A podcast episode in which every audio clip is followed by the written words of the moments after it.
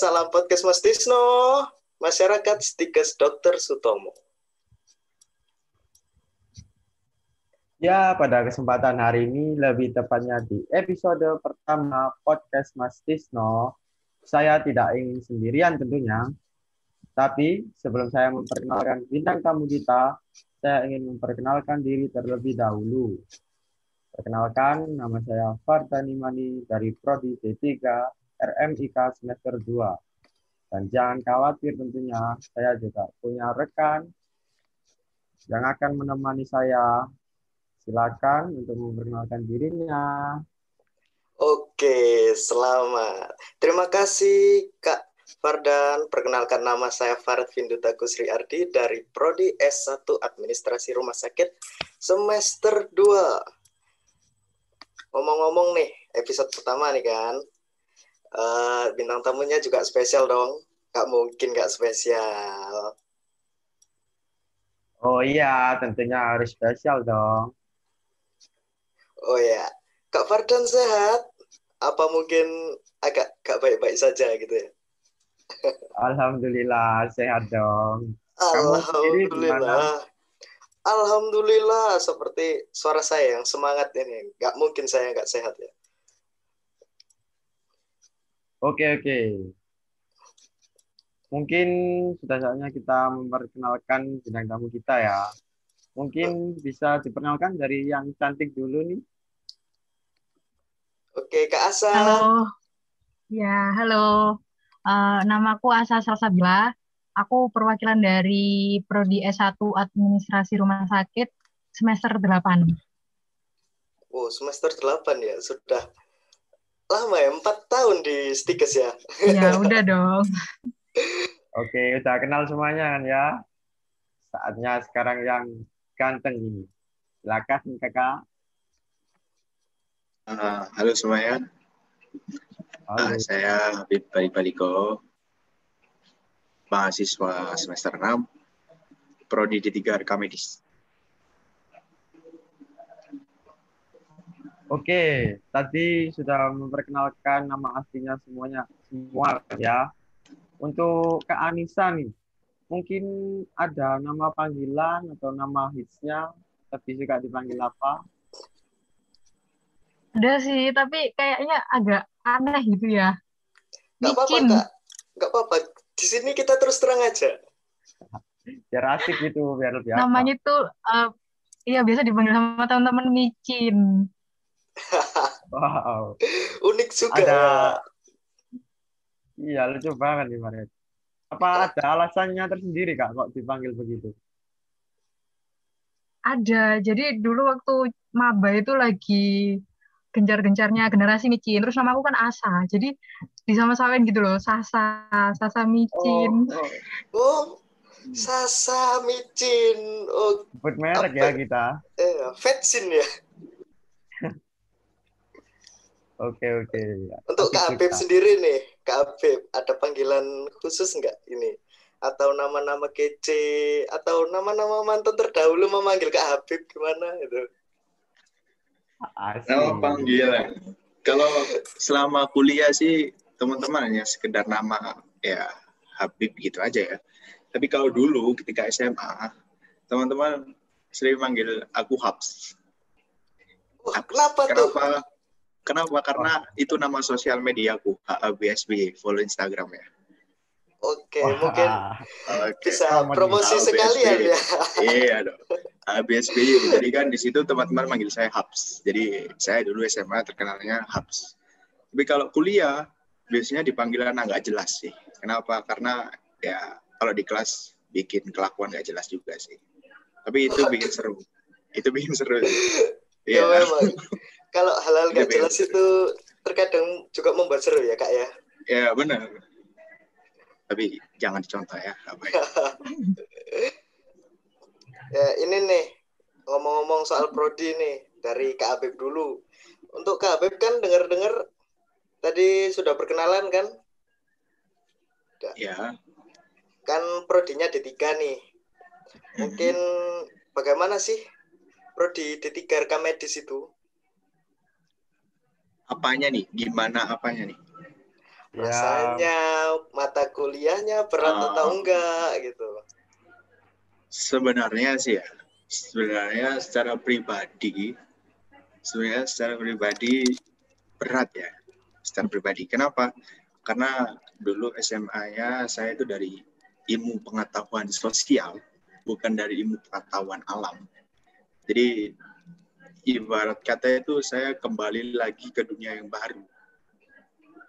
Tapi waktu semester 1 untungnya nggak langsung ketemu dengan yang namanya biologi yang anatomi tubuh segala macamnya. Kan masih diberikan dasar-dasar dulu waktu semester 1 semuanya masih dasar dan masih ada bahasa Indonesia masih ada matematika masih ada agama dan lain-lain. Tapi begitu menginjak semakin tinggi level semester ya mau nggak mau harus mengikuti dan ya meskipun hasilnya hasil nilai ya maksudnya ya nggak maksimal ya masa tampang gini ya hasil maksimal nggak mungkin kan Ya, Tapi baik, baik. di prodi D3 secara apa secara materi atau secara mata kuliah emang saya kurang suka ya karena basicnya orang sosial ya bukan alam. Tapi dosen-dosennya yang bikin tertarik. Kayak misalnya kayak misalnya dulu dosen pertama dulu yang saya buat saya tertarik itu Bu Widi. Beliau cara ngajarnya sangat asik. Jadi cara menerangkannya itu benar-benar membuat mahasiswa yang bahkan di kelas saya itu ada banyak ya nggak banyak juga sih ada juga yang dari IPS bahkan ada yang dari multimedia kalau jadi enggak benar-benar gitu kami ya kayak diajarkan. Iya benar banget benar. Jadi kami diajarkan ya dengan cara beliau yang selalu keliling kelas. Ya gitulah. Enak di prodi D3 seru. Oke oke. Keren. Keren kak jawabannya. Bijak sekali. Oke. Kan tadi kak Habib sudah menerangkan kan ya untuk D3 RMIK itu apa sih? Sekarang coba deh kak Asa mungkin menjelaskan kan dari prodi S1 administra- administrasi rekam administrasi rumah sakit. Lah di administrasi rumah sakit itu apa sih yang di Eh, apa ya? Eh, kalau aku kan udah empat tahun ya, jadi eh, udah udah melalui berbagai hal kegiatan dari kampus. Kalau semanis dunia kampus Ya bener itu bener. Eh, jadi udah sekarang lagi skripsi, jadi udah pernah ngelewatin masa KKN, terus PBL online, magang online, terus sekarang skripsi. Untuk S1 administrasi rumah sakit sendiri, eh, untuk mata kuliahnya nggak nggak seberapa berat sih kalau menurutku ya. Kalau selagi kita dosen-dosennya juga enak, enjoy, bikin mahasiswanya enjoy. Eh, aku sih nyaman-nyaman aja, enak. Enak ya mungkin agak karena dosennya juga cantik-cantik gitu Bener, ganteng-ganteng iya bener bener bener itu, bener. Tunggu, tunggu, bentar ya, bentar ya. Kan tadi udah dijelasin dari masing-masing prodinya. Mungkin sekarang bisa tahu alasannya kenapa bisa memilih prodi itu. Iya, alasannya Kak HB milih D3 atau Kak Asa milih S1 administrasi itu mungkin ada alasan khusus gitu. Mungkin Enggak, bisa silakan. diterangkan. gitu. Dari dulu. alasan ya alasan. Keren sih. Em, boleh cerita nggak sih? Boleh, Boleh boleh, boleh. boleh. Ya jadi sebenarnya dulu saya itu em, anak yang suka bermain dengan digital. Apa pun itu tentang digital saya suka. Ya walaupun nggak ngerti tapi saya suka dengan digital. Nah, IT nih, Nah, Kak. waktu ya waktu ketika lulus SMA ingin ya inginnya ke di ngambil jurusan tentang ya tentang digital. Segala macam tentang digital ada di situ. Nah, tapi sama keluarga agak dimiringkan gitu. Maksudnya dimiringkan maksudnya diarahkan ke arah kesehatan. Ya aku ngerti sih. Saya ngerti sih diarahkan ke kesehatan. Cuman mereka ngiming apa ya bahasanya apa? Ngimingi apa? Kayak nawari kayak memberikan negosiasi gitu kayak ya negosiasi yang saya pasti akan masuk ke sana. Dan dan saya dibilangi di itu aja apa masuk rekam medis rekam medis. Saya pikir kan rekam medis wah seru pasti ya rekam medis merekam kegiatan medisnya kan pikir gue dulu awalnya saya rekam medis mungkin itu. Terus bude saya kan perawat dikasih tahu gitu. Terus di rekam medis gue enak di situ kamu nanti bisa ngatur-ngatur um, berkas menggunakan komputer terus kamu diajari um, ya ada dunia digitalnya. Oke tertarik kan gue seru nih tertarik. Terus akhirnya lihat di apa nih Google juga ternyata ada stikers Budi juga menawarkan stikers langsung. Setelah lulus dulu alhamdulillah SNPTN ya. Gini-gini juga SNPTN cuman nggak iya. cuma ya kak iya iya. sampai SNPTN ya. jadi nggak nggak SBM terus langsung. Jadi SNM ditolak langsung ke stikers makanya nim saya 02 karena saya daftarnya pertama kali Oh. awal-awal ya? awal kak kali ya awal-awal iya iya awal. Ya, untuk terus akhirnya masuk. Baik. Terus akhirnya masuk. Dan ternyata ketika tes apa yang kalian tahu rasanya? Apa tes ya kan kalian kalian tes GBT kan ya? Iya gimana tuh gimana? Tesnya kan ada tes angka-angka nggak ngerti kimia mungkin ya kayak tes kimia biologi gak jelas. Eh mohon maaf nggak jelas ya saya ya yang nggak nggak saya paham ya yang nggak saya paham. Dan ya nggak ngerti kenapa kok saya bisa masuk padahal waktu itu saya ngisinya mohon maaf ya bapak ibu. Bapak ibu dosen yang melihat saya Oke, ngisinya paham paham ya, paham. ngerti sistem cap cip cup kembang kucup ya. Nggak sih. Iya itu hitung saya kancing. lakukan. Ya itu sama ya itu. Ya akhirnya masuk. Tapi terus ketika masuk untuk menghilangi kebosanan saya di rekam medis ya akhirnya saya masuk di organisasi. Untungnya ada organisasi. Jadi bagus di organisasi pendidikan ya nggak tahu lah kayak gitulah ya. Tapi seru di rekam medis itu alasan saya masuk. Eh, untuk. Kak Asa sendiri apa nih alasannya nih?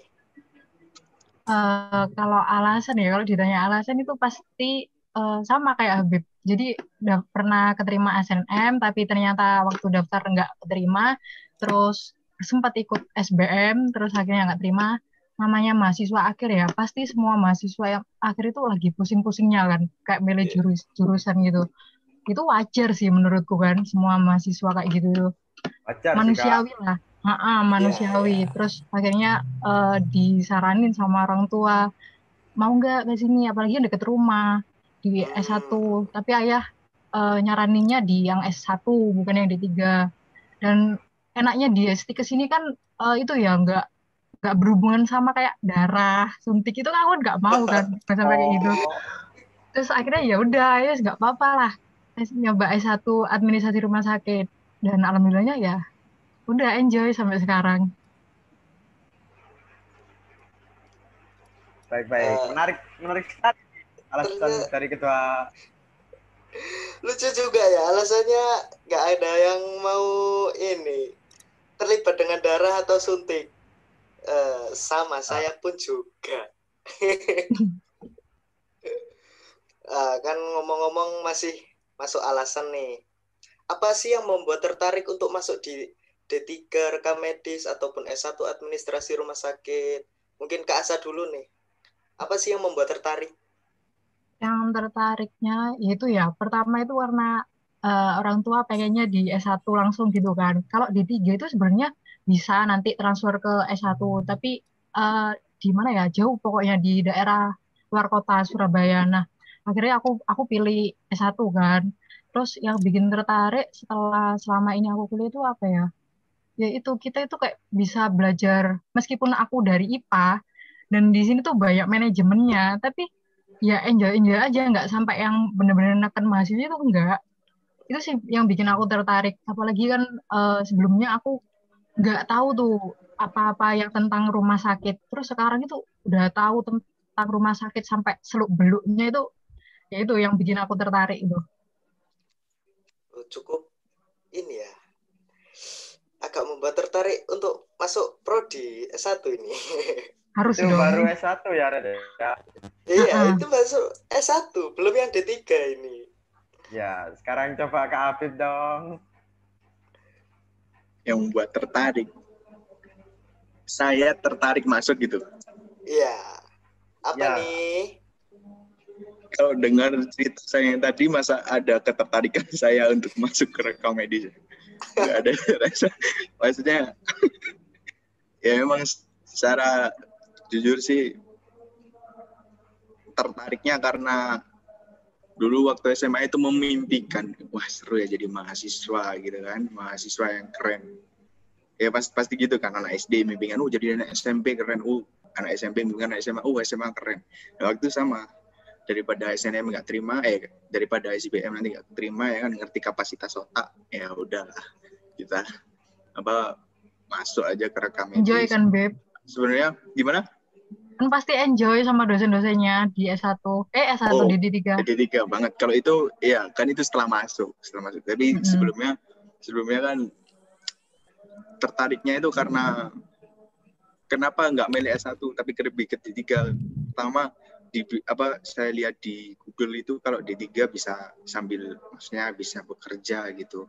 Kan diploma biasanya diploma apa secara kelulusan pencarian kerjanya prakteknya maksudnya ya, prakteknya itu lebih Ah. banyak nah D3 lebih banyak praktek juga ya kak ya. benar dan saya tipe orang yang nggak suka banyak teori lebih baik praktek daripada banyak teori ya kan banyak teori tapi ketika praktek teori nggak nggak digunakan kan buat apa ya kan juga baik. mubazir gitu. Bener bener Nah, ya, jadinya akhirnya saya milihnya di bukan saya sih, tapi keluarga juga mengarahkan ya udah ke rekam medis. Ya udah akhirnya ke rekam medis. Ya itu di awalnya agak nyesel kena tesnya tadi yang nggak ada angka-angka aduh gimana, ya, terima ya apa ya. Dan akhirnya keterima juga sih alhamdulillah. Terus akhirnya masuk ya yang bikin lebih tertarik tertarik lagi dosen-dosennya sih yang luar biasa. Dan alhamdulillah sampai akrab dengan Eyang Sri. Beliau sangat bantu banget sih. Kan saya minus di coding ya, maksudnya saya nggak jago coding banget sih.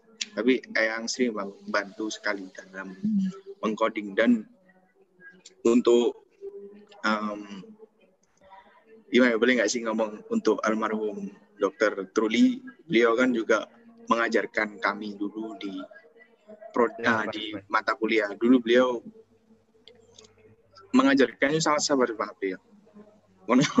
Teringat sekali beliau apa Jadi akrab ya kak ya. ya, hampir hampir Banyak- akrab sama beliau saya. Saya hampir akrab sama beliau dan Kenangan ya kak ya. banget. Saya hampir akrab banget sama beliau. Ya itu takdir Tuhan ya. Beliau sudah dulu Iya. kita berdoa bersama aja untuk beliau supaya beliau diterima aja. Dan Amin. Amin amin. ya Mungkin Allah. teman-teman yang mendengarkan podcast ini bisa mengirimkan doa ke Dokter Dosen. Truli. ya Dokter Truli ya biar amal ibadahnya diterima di sisi Allah Subhanahu wa taala. Tuhan yang Maha Esa. jadi Oke. dosen dosen yang berpengaruh buat saya sih Dokter Truli dan Bu Widi karena mereka beliau berdua yang membantu almarhum Dokter Truli dan Eyang Sri yang membantu saya untuk belajar coding. Itu guys sampai akhirnya saya bisa ikut um, lomba coding ya walaupun gagal sih. Tapi saya dipercaya untuk lomba coding akhirnya. Ya, gagal. Baik tapi. baik. Apa sih kak? Sebuah kebanggaan itu. Iya, siap. Nah, ini kegiatannya Farhan- nih. Ya gimana Kak Fardan? Ya ini kan ngomong-ngomong soal tadi udah alasan dong. Sekarang pasti lagi sibuk apa gitu mungkin bisa dijelaskan. Siapa nih? Kak Asa wes, Kak Asa Kamu. dulu. Ya. Kesibukannya apa nih Kak Asa? Aku sekarang sibuk eh, skripsi. Kalau semester Wih. 8 kan skripsi. Ya. Ah, jadi jadi kalau di Stikes itu eh, rangkaian kegiatannya nanti semester 5 yang S1 KKN. Lalu semester 6 PBL, semester 7 magang, semester 8-nya skripsi. Jadi aku sekarang lagi sibuk skripsi. Tuh. itu untuk S1 ya kak ya. Mm-mm, S1.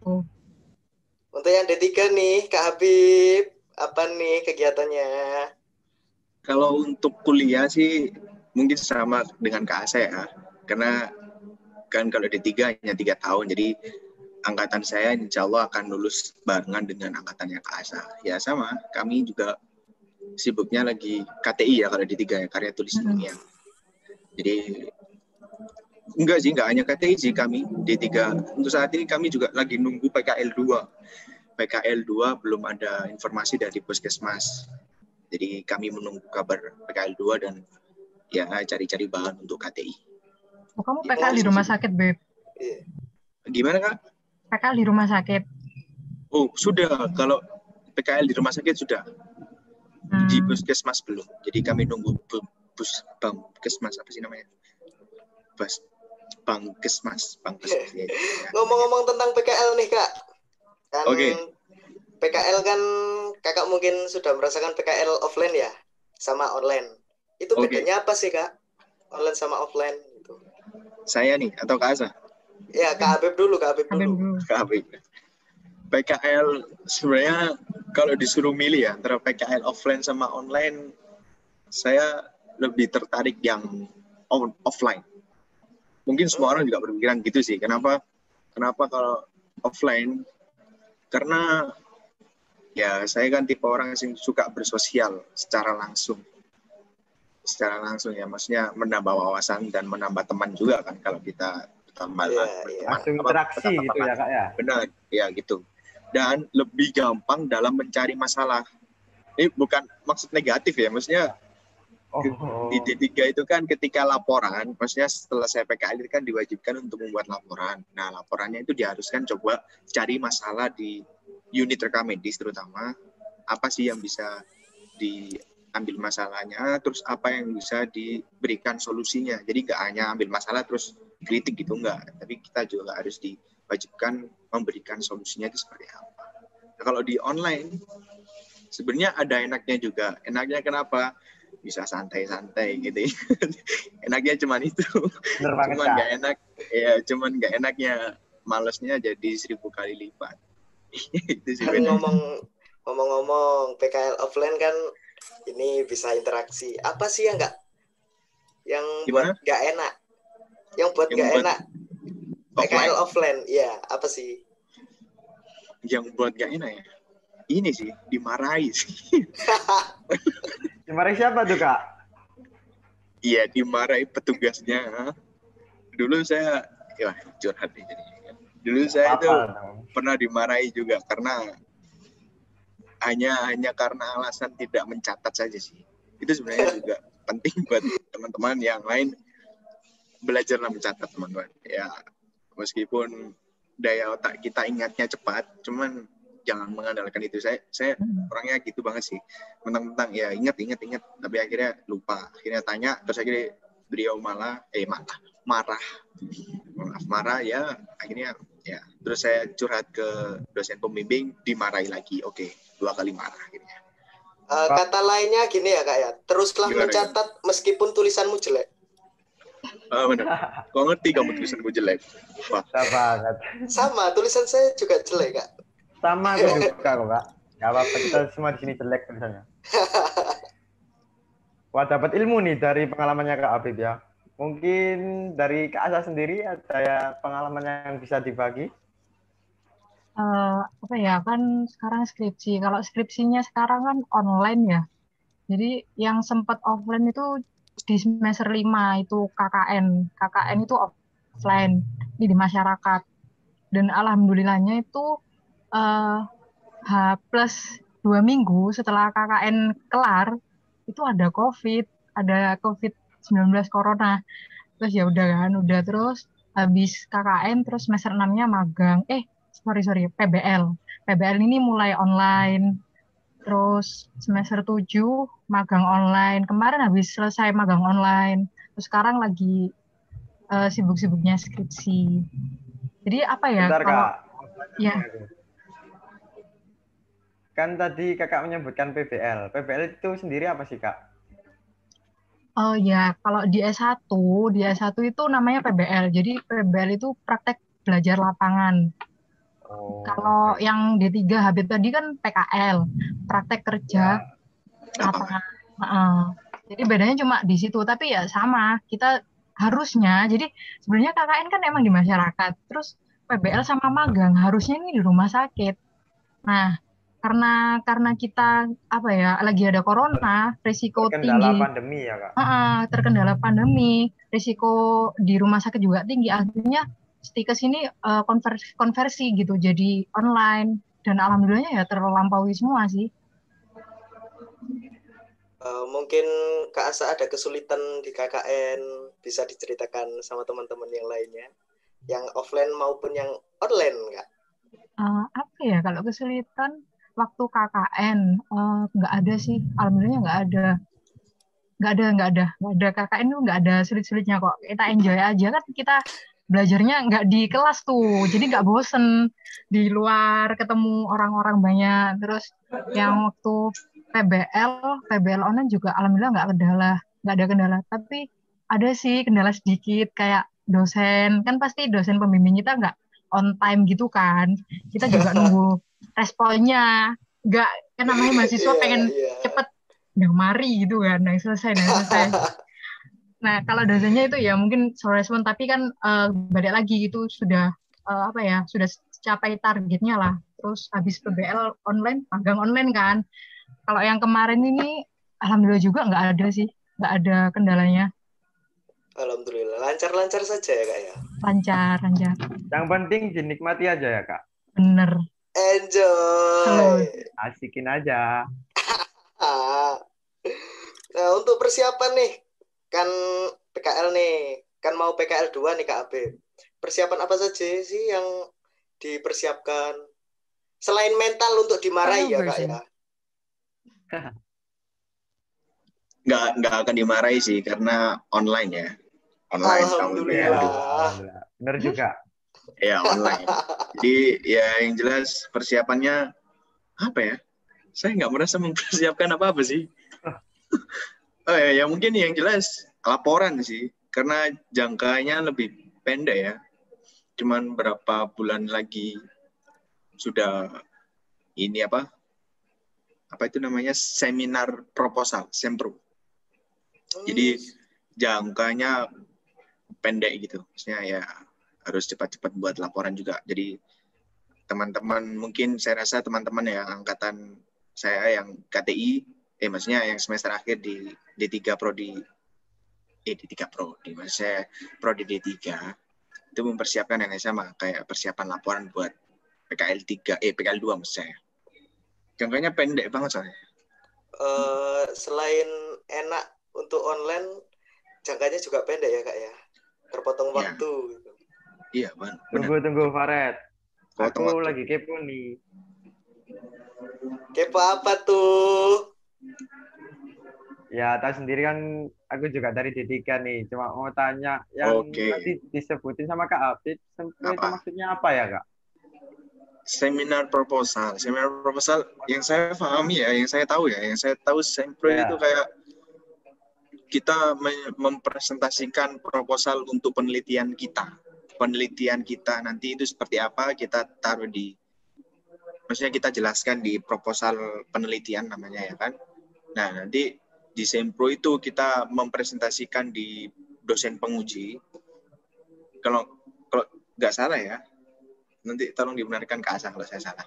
Jadi hmm. di diuji oleh dosen penguji, ya seandainya pen, apa tema maupun judul yang kita ambil itu sudah sesuai, maksudnya kita mampu untuk meneliti secara kemampuan kita itu bisa akan dilanjutkan. Kalau seandainya tidak ya mungkin ada akan ada revisi lagi. Tapi doakan ya kami semua baik Kak Asa juga skripsi KTI lancar semua ya. Doakan ya teman-teman. Amin. Amin amin, amin. kan Faret amin. Oh, iya. makasih, baik, makasih. saya mas lalu amin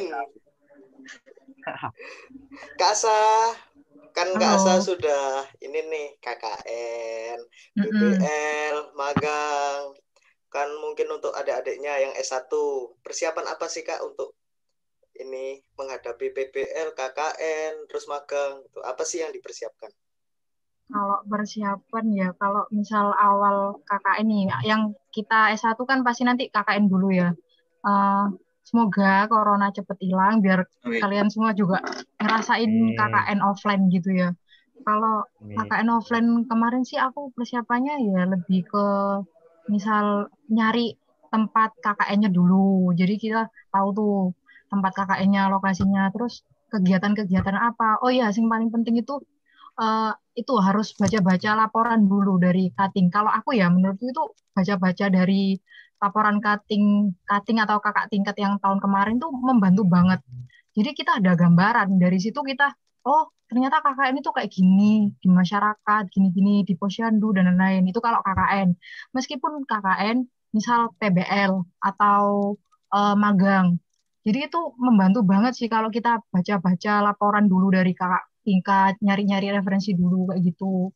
Itu persiapan awal yang aku lakuin sih. Kalau waktu hari H sih aman-aman aja pokoknya ngerti teman kita siapa, terus dosen pembimbing kita siapa, persiapkan dari situ udah cukup menurutku.